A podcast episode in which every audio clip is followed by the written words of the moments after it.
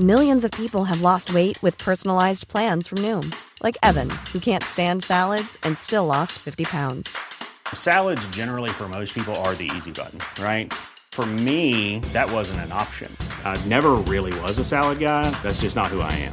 But Noom worked for me. Get your personalized plan today at Noom.com. Real Noom user compensated to provide their story.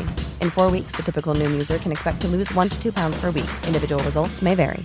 Hey, it's Ryan Reynolds, and I'm here with Keith, co star of my upcoming film, If, only in theaters, May 17th. Do you want to tell people the big news?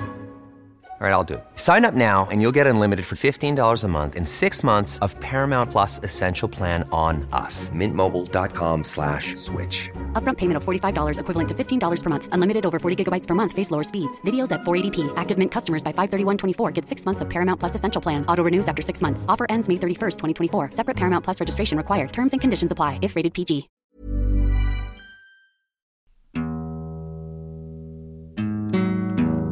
Hei og velkommen til Ordreministerier. Jeg heter Halstein, Ad Silje.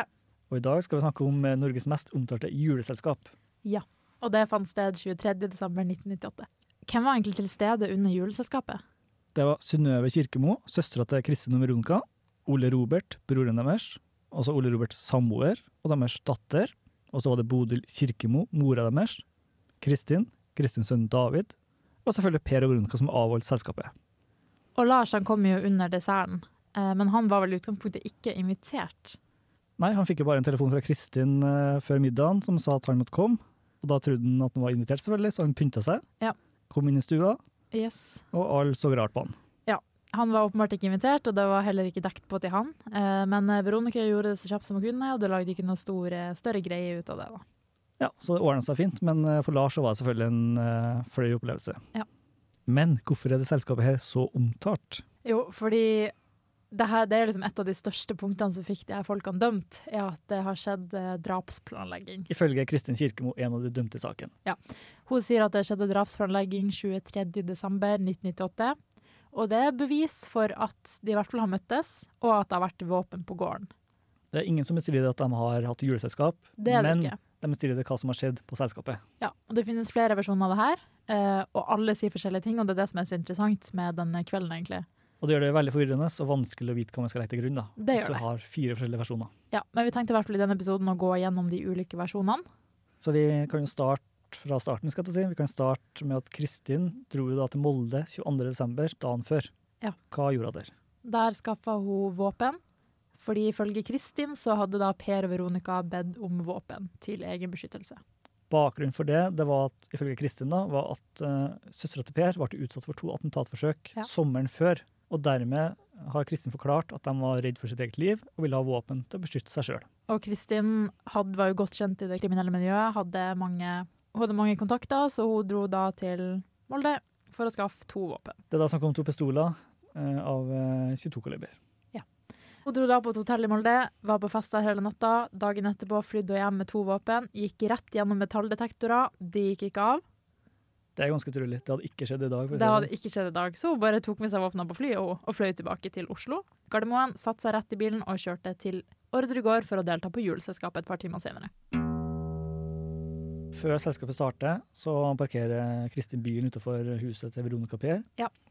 Per er da i Forsentralen sammen med sønnen til Kristin. Og Foranledninga til hele juleselskapet det kan vi jo nevne, da, det er at Kristin skulle få tilbringe tid med sønnen sin. Ja. Fordi at hun hadde mista omsorgsretten for sønnen sin. Ja, og på julaften så skulle han jo være med Sverre Kirkemo. altså Resten av faren til hele Kristin. jula skulle hun egentlig være med Ja, ikke sant. Sverre Kirkemo, så det var hennes eneste mulighet til å treffe sønnen. da. Og For dem som ikke vet det, så er Sverre Kirkemo faren til Kristin Kirkemo. Så det var jo fint. Ja, men samtidig fikk jeg vite den dagen eh, at hun ikke fikk se han resten av jula, så derfor var hun kanskje litt nedfor, da. Ja. Mm. I hvert fall ifølge Veronica, og det skal vi komme nærmere inn på senere. Og så hva skjer da? Det er jo her vi har fire forskjellige versjoner. Ja, her spriker forklaringene ganske betydelig. Ja, Vi kan jo kanskje starte med Kristins versjon, siden det er det som Du legger fortalte grunnlag. historien først, og det er Ja. også bærebjelken i påtalemyndigheten sin versjon for å få dømt Per og Veronica Orderud. Absolutt. Kristin går da inn med bagen som har de to våpnene og ammunisjon, og hun viser våpnene til Veronica. Veronica inspiserer våpnene, og idet hun legger bagen på, tilbake på bordet, og idet bagen treffer bordplata, så går det av et skudd. Og det treffer da bordet, rikosjettere og treffe et bilde på veggen. Ja, og hun sier ikke sant at det var Veronica som satte ned bagen. Det er viktig. Husk Ja. at det er Veronica som satte ned bagen. Og det var hun som, ikke med vilje, fikk det til å gå av, men det var hun som satt bagen ned, og da traff det bordkanten. Vi omtaler det som et uhell, rett og slett. Mm. Og da blir Veronica ifølge Kristin hysterisk, setter hun vinduene på gløtt for å lufte, få vekk lukta, og så springer hun ut i fòrsentralen til Per, da. Ja. Per kommer da tilbake og ber Kristin om å fjerne de våpnene. Ja, og da, i Kristins forklaring da i rettssaken er vel at hun blir veldig lei seg. Og så dekker de til bordet med en duk, Mhm. blir ferdig med den saken. Ja, og tar ned Eh, bildet. Tar ned bildet, setter opp et annet bilde. Og senere på kvelden så er det noen av slektningene som kommenterer hvorfor de har byttet ut bilde.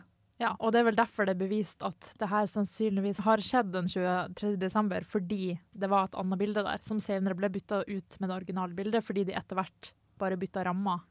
Det er i hvert fall et, eh, et indisium for at det var akkurat den dagen, ja. Ja, i hvert fall i, s- det må ha vært i det området, fordi at bildet var skifta, og det var ikke der forrige gang personen som nevnte det, var der. Ja, godt poeng.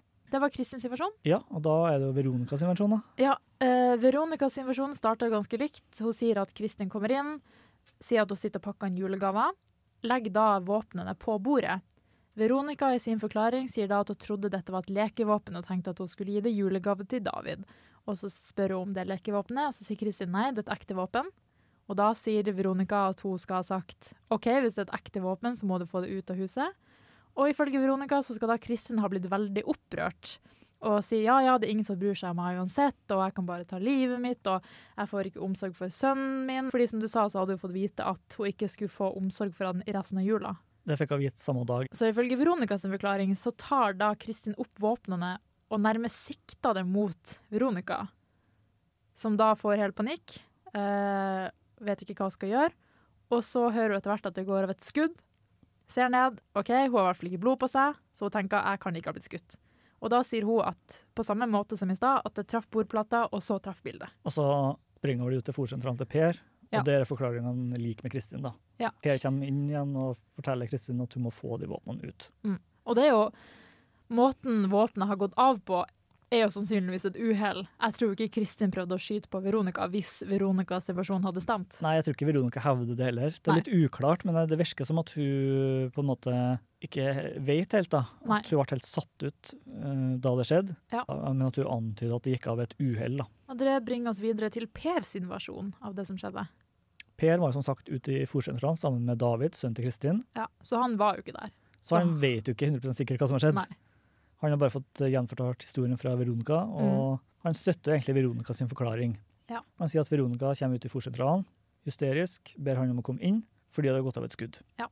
Men i tidlig avhør så nekta han vel for at det har gått av et skudd i det hele tatt. Han brukte vel veldig lang tid før han til slutt innrømte Det at han tok hadde vel gjort det. rundt 16 over før Ja. han eh, tilsto i hermetegn at det var våpen på gården. Ja, Og og, hva skyldes egentlig det? Nei, Per sin forklaring er jo da at han skulle beskytte Veronica. Og at det var et løfte til Veronica. Og at Veronica hadde sagt at de kunne ikke si det, fordi da kommer Kristin til å miste omsorgen til sønnen sin, i hvert fall. Og at de i hvert fall ikke ville gi omsorgen til en person som har skutt med våpen, da. Det, er- Som- det er et godt poeng, ja. Så Per sier at det var et løfte til Veronica, men det som er litt rart med denne forklaringa til Per, er jo at Veronica hadde jo innrømt det på et punkt.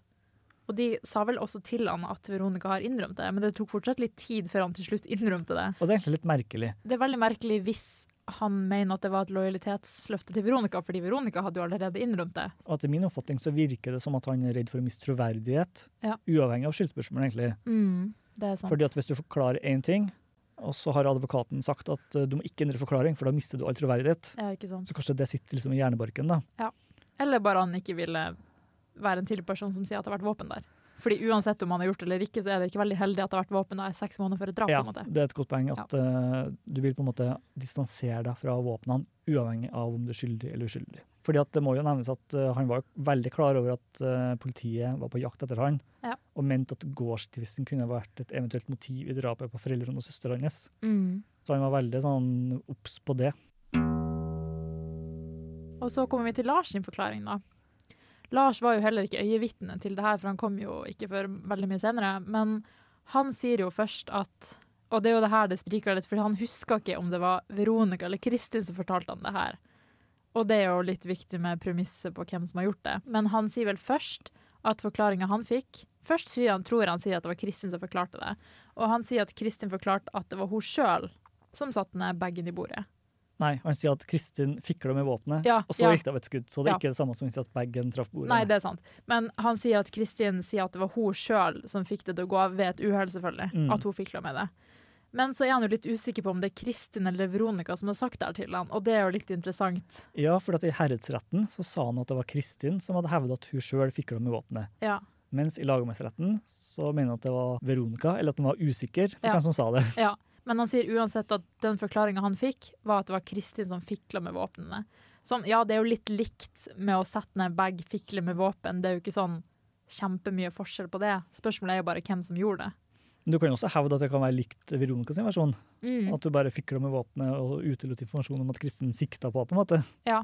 Eller at Veronica la til det for å distansere Det seg. kan selv jo om også det- hende. Så noen har jo vært borti det våpenet og fått det til å gå over et skudd, og det er jo sannsynligvis Veronica eller Kristin.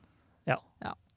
Spørsmålet er jo bare hva som skjedde, og hvordan det gikk av. Kanskje det mest troverdige her er Lars fordi han fikk høre det med en gang, og ikke har noen grunn til å endre forklaring. Han har jo heller ikke noe å tjene på å lyge, nødvendigvis. Spørsmålet er jo bare om hovedpersonen løy til han da de fortalte det. Det er akkurat det, vet du. Jeg tror kanskje han forteller sannheten av det han har hørt, men Mm. spørsmålet er jo om personen som fortalte et eller annet, ljaug eller fortalte sannheten. Også om det var Kristin eller Veronica også. Det er en veldig, veldig viktig ting. Fordi at hvis det var Kristin som sjøl forklarte at hun fikk våpenet til å gå av, Ja. da var hennes troverdighet veldig lav. Da, vil veldig jeg si. liten. Ja. Mens hvis det derimot var Veronica som forklarte at Kristin fikk det med våpenet, Ja. eh, Så er det jo like så mye- kan det hende at hun bare sa det til Lars for å distansere seg sjøl fra det som skjedde. da. Ikke sant? Da er det jo like mye, som, like mye troverdighet som i rettssaken. Altså, vi vet ikke.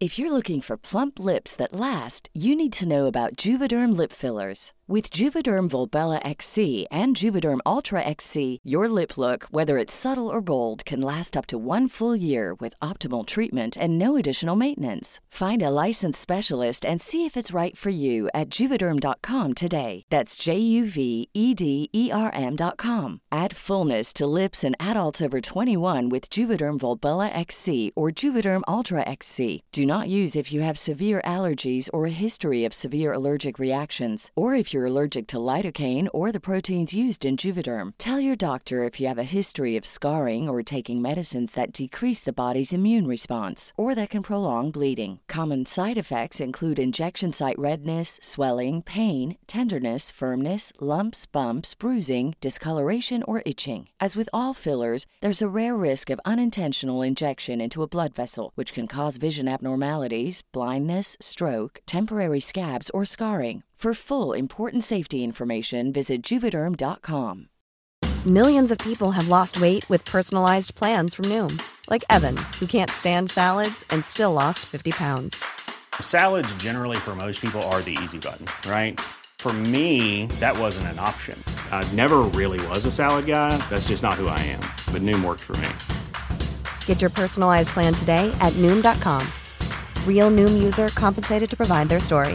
In four weeks, the typical Noom user can expect to lose one to two pounds per week. Individual results may vary. Apropos den eh, bordplata, da. De skifta jo bilderamme fordi det ble knust. Men skuddskaden De dekka kun over det med en duk, som du sa. Ja, og hvis de da er skyldige og har hatt et halvt år på skjul bevis og spor, Ja.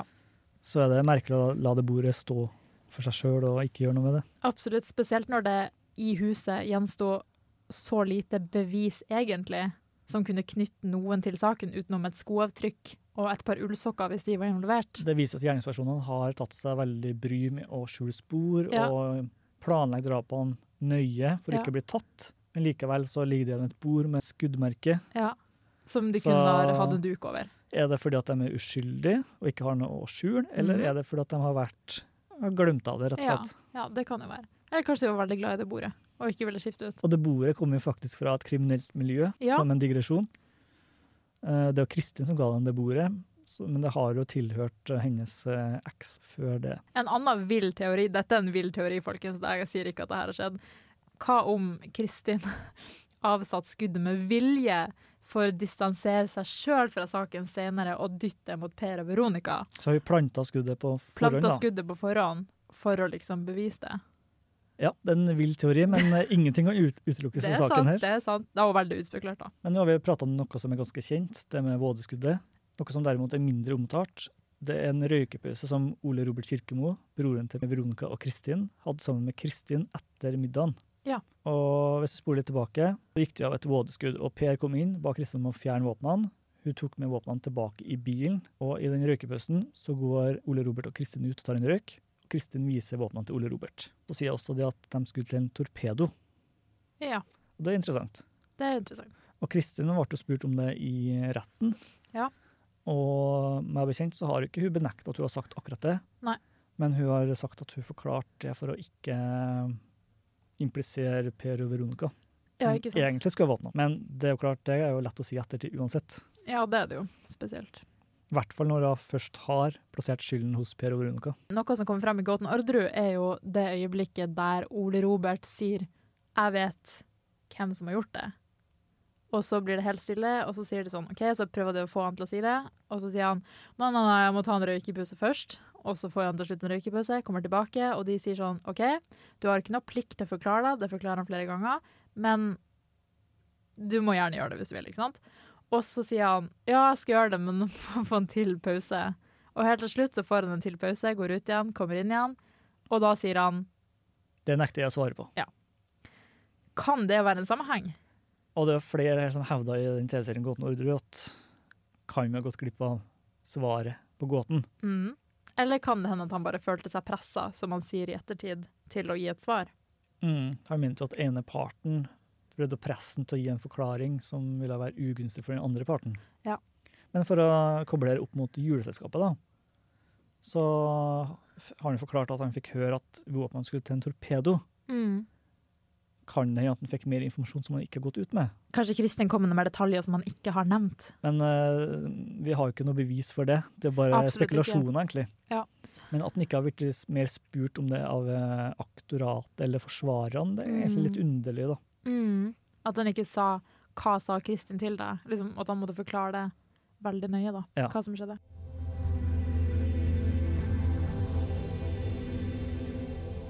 Og så, etter hvert, så drar jo alle gjestene hjem. Bortsett fra Bortsett fra Kristin, Per, Veronica, Lars. Og det er jo her det er veldig sprikende forklaringer. Her er det egentlig bare én av fire som sier at det har skjedd drapsplanlegging. og det er Kristin Kirkemo, mens resten nekter. Kristin sier jo også at Lars drev med våpentrening og viste de hvordan Eller våpenopplæring, da, til Per og Veronica. Det har vel Lars til dels bekrefta, men han sier at det var bare for å vise hvordan et vådeskudd kan gå av, Ja. Mm. etter at det faktisk gikk av et vådeskudd tidligere på kvelden. Rett og slett av ren nysgjerrighet. Og, men Kristin sier da at det var for å lære dem hvordan man skjøt. Så hun forklarer at eh, Per og Veronica sitter med hvert sitt våpen og prøver å putte patroner inn i kammeret, Ja. og at Lars forklarer det tekniske rundt det. Og hun sier også at de etter hvert begynner å snakke høylytt om hvordan de har tenkt til å drepe familien til Per. da. Det er snakk om eh, foreldrene til Per, Ja. søstera til Per og søsteras ektemann Per Paust. Ja, det er interessant. Det er ikke snakka så mye om det, men de sier jo, Kristin sier jo at de hadde tenkt til å drepe Per Paust også. Og det som er litt sånn, det er ikke sikkert det har noen betydning, men hun Nei. forklarer det at eh, hun forteller til de andre at du kan ikke drepe tre personer pga. en gårdstvist. Det er sant. Men det er snakk om fire personer. Ja. Hm. Det er veldig interessant. Men det kan jo også skyldes at det var bare tre personer som faktisk døde til slutt. Ja. Fordi Per Paus døde av kreft en måned før drapene. Men eh, da spør jo aktoratet hvorfor ikke hun stoppa det her, og hva var forklaringa hennes til hvorfor ikke hun liksom tok del i det? Hun konfronterte dem jo med at de ikke kunne drepe tre personer pga. en gårdstvist. Ja, Og ifølge hun så har da Per blitt veldig sint. Jeg har aldri sett Per så sint før i hele sitt liv. Eh, Da skal, da skal han ha spurt Kristin om hun ikke forsto alvoret i situasjonen. Ja. De kunne ha mistet gården, eh, det var snakk om en falsk kjøpekontrakt, og Veronica skal ha supplert med at eh, enten er det vi som dør, eller så er det dem som dør. Ja, det er jo veldig sterke ord hvis det skulle stemme, da. Og hun sier jo også at hun ikke helt fikk det med seg først fordi hun gikk og pynta juletreet. Og Ja, gikk litt fram fordi og tilbake. sønnen hadde bare pynta ene halvdelen av treet, og det kan jo for så vidt stemme, og så hun må liksom flytte pynten rundt. da. aktoratet legger jo til rette for at det her skjedde Ja. I det, det er jo domfellelsen. bærebjelken i dommen, egentlig. Ja. Kristins Og det som forklaring. er veldig interessant, er at det er kun én av fire som har sagt at det stemmer. Men de har lagt veldig mye vekt på Kristins forklaring. Fordi Lars, Per og Veronica benekter jo at det her har skjedd. Det står til og med i dommen at drapsplanlegginga starta lille julaften 1998. Ja, og Og det, det har de ikke bevismessig grunnlag for Nei. uansett, tenker jeg. og det er veldig rart. Fordi hvis den starta 23.12.1998, hvorfor skulle hun da skaffe våpen? Da er, hvis vi legger Kristins forklaring til grunn, så kan jo Mm. det være fordi at de bare sa til Kristin ja, vi trenger våpen til å beskytte oss sjøl, og så fikk hun tilfeldigvis høre at det var drapsplanlegging. Ja, men hvis, Men hvis den- du går til det skrittet og skjuler at du skal planlegge drap på familien, ja. da er det veldig litt diskré samme kveld, da. Når du bare lar hun pynte juletreet i bakgrunnen og snakke høylytt om drap. Absolutt. Så det er litt motstrid der, da. føler jeg. Ja. Har de da involvert Lars for første gang? Ja, og han var ikke engang invitert til juleselskapet. Nei, og det er veldig, veldig han kom jo under desserten. Hvis ikke det er et helt sjukt skuespill, da. La oss si, la oss si da at Kristin ikke visste noe om det her, la oss legge det til grunne. Da hadde jo de måttet gjort et helt sykt skuespill der de lata som at han ikke visste at han var invitert, og Veronica glemte å dekke på til han. Det hadde vært helt sjukt. Ja, Jeg tror ingen er eh, så og det er veldig utspekulert. utspekulert. For det var også Kristin som ringte Lars og ba han om å komme. Det må i så fall ha vært fordi det har vært beleilig å tatt drapsplanlegginga nå, når alle var der og de hadde våpen. Ja, det hvis det tenker var jeg, hvis planlagt, det da. har skjedd, ja. Ja, ikke sant.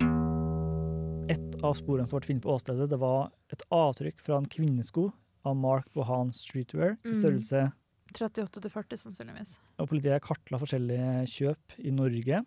Fant ut at eh, på lille julaften, samme dag som juleselskapet, så ble det kjøpt to par sko av den typen I samme størrelse. i samme størrelse. Og det ble brukt kontanter. Det skokjøpet det er snakk om, det er da ved Lille Vinkelsko på Majorstua. Og det var i nærheten av eh, det Lars Grønnerud bodde på Frogner. Og de har jo også regna ut at han hadde rukket å kjøpe skoen, og så kjørt til Sørumsand. Ja, det er en mulighet for det, ja. Så hvis ikke det har skjedd drapsplanlegging nå, så må i så fall Veronica ringt og sagt hei, kan du kjøpe meg et par sko? Eller to par sko. Og det er veldig rart. Det er Og så skulle hun si etterpå å forresten skulle vi brukt det i et drap, liksom. Da hadde jeg tatt skoen tilbake og sagt nei, hvis jeg var Lars Grønrød i hvert fall. I tillegg til det så er det et moment med at Kristin forteller jo som sagt om drapsplanlegging på Ordregård, Mm. men hun sier ingenting om skokjøp. Hun gjør ikke det. Men hun sier Og Chris, hvis Lars da hadde kjøpt sko tidligere på kvelden for å bruke til drapene, så er det Ja. naturlig at hun ville ha nevnt det i samme slengen. da. Ja, absolutt. Og vi vet jo at Kristin har ringt han og hatt en samtale like før dette tidspunktet. Så de mener jo at Kristin kan ha ringt han og sagt hei, kan du kjøpe to par sko, vi skal planlegge drapet. Mm. Men da må jo Kristin være involvert, ikke sant? Ja. Men eh, Kristin påstår jo at hun har bare ringt han for å si du kan komme, Per betaler taxien. For det er ingen av de fire som sier noe som helst om skokjøp. Nei, det er veldig interessant, egentlig. Uavhengig av hva som har skjedd, om det har skjedd drapsplanlegging, så er det ikke sikkert at det, kan det jo kjøpet være har noe med- tilfeldig at det har Det kan det. ingenting med drapene å gjøre i det hele tatt. Eller da, hvis, hvis vi skulle legge til grunne for at Kristin ikke var med, og at kun de tre andre var med, så kunne han jo ha dratt og kjøpt skoen, lagt det hjemme, og så kjørt bortover, eller tatt taxi da, til Sørumsand. Det er også mulig, men at det ikke ble nevnt i den angivelige drapsplanlegginga, Ja, det er også veldig rart. merkelig. For de sa vel bare, hun sier jo også etterpå at de nevnte at man kunne trekke lester, eller ullsokker da, på sko da, for å ikke få avtrykk, men da er det i så fall rart at han ikke tar med skoen som har tenkt å bli brukt i drapet. Da kunne de i så fall ha testa det på juleselskapet. Ja. Eller kan det være at Kristin visste om det her, de faktisk hadde med seg skoen, men at hun liksom vil distansere seg sjøl fra skoen, da? Kanskje hun prøvde skoen? Det var en teoretisk mulighet for det Ja. òg, ja. Og Ja, at, det her er jo veldig, altså, det her er jo ville teorier, da. Det er jo ikke noe vi kan si, da. Dette men bare det er jo teorier. fordi at eh, det skokjøpet er jo ikke direkte knytta til drapene eller Det er jo ikke det. juleselskapet, så Nei. kanskje Kristin tenkte i starten at da skal jeg i hvert fall ikke nevne det, for å gi politiet enda mer kjøtt på beinet. Mm, det er veldig sant. En annen ting som er interessant med skokjøpet, om det her er knyttet til det eller ikke, er at det i hvert fall ikke formelt etterlyst. Det sto litt om det i media, men det var ikke type hettemann i Lørenskog-saken, type hvem kjøpte disse skoene? Nei. Nei. Så de kan jo gått glipp av viktig informasjon der. Det kan det ha gjort.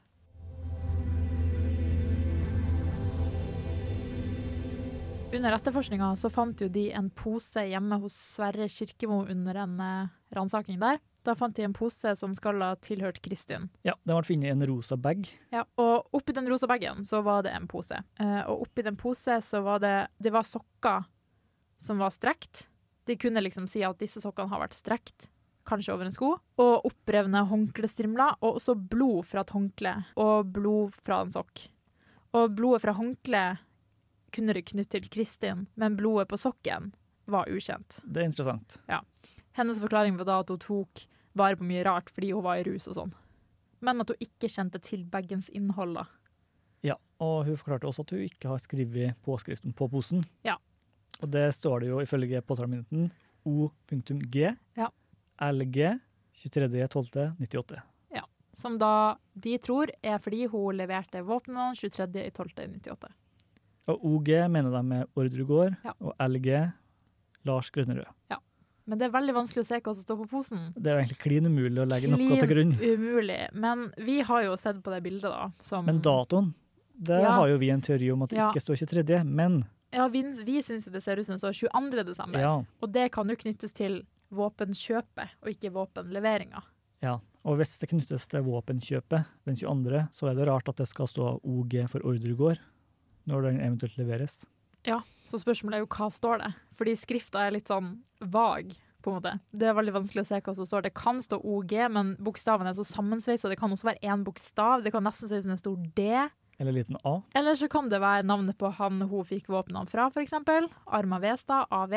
Det kan også være D for dato. Ja, det kan det være. Så jeg vet ikke, hvis dere søker opp det bildet av den posen, søk opp Orderud frysepose. Vi har også laget en video om dette temaet på Ja. YouTube-kanalen vår, så sjekk ut den. Ja, Det heter Ordre Mysterier, og så går du inn og søker på frysepose. og Der har vi både bilde av originalposen og så noen eh, etterligninger vi har laga for å vise hva de forskjellige bokstavene kan bety. Det hadde vært veldig interessant å se posen, for det er veldig vanskelig å se på det bildet. Men i mitt hode så står det 22.12. I hvert fall ut ifra det vi ser, og det er ikke et høyt oppløselig bilde, men vi ser i hvert fall 22 på det bildet. Ja, Gjerne send oss deres tolkninger, men vi ser 22. Det kan stå 23. Det kan hende at- at det er veldig klart 23, at det er bare bildet som gjør at det ser sånn ut. Og jeg skulle gjerne ha sett den originale posen rett foran meg for å kunne stå med mikroskop, men det har vi altså ikke tilgang til, dessverre.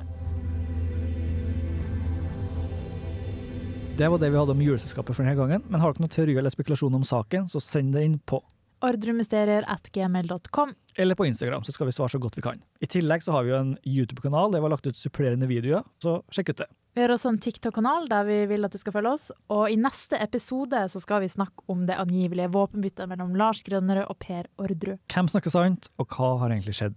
Vi høres, ha det bra! Ha det bra.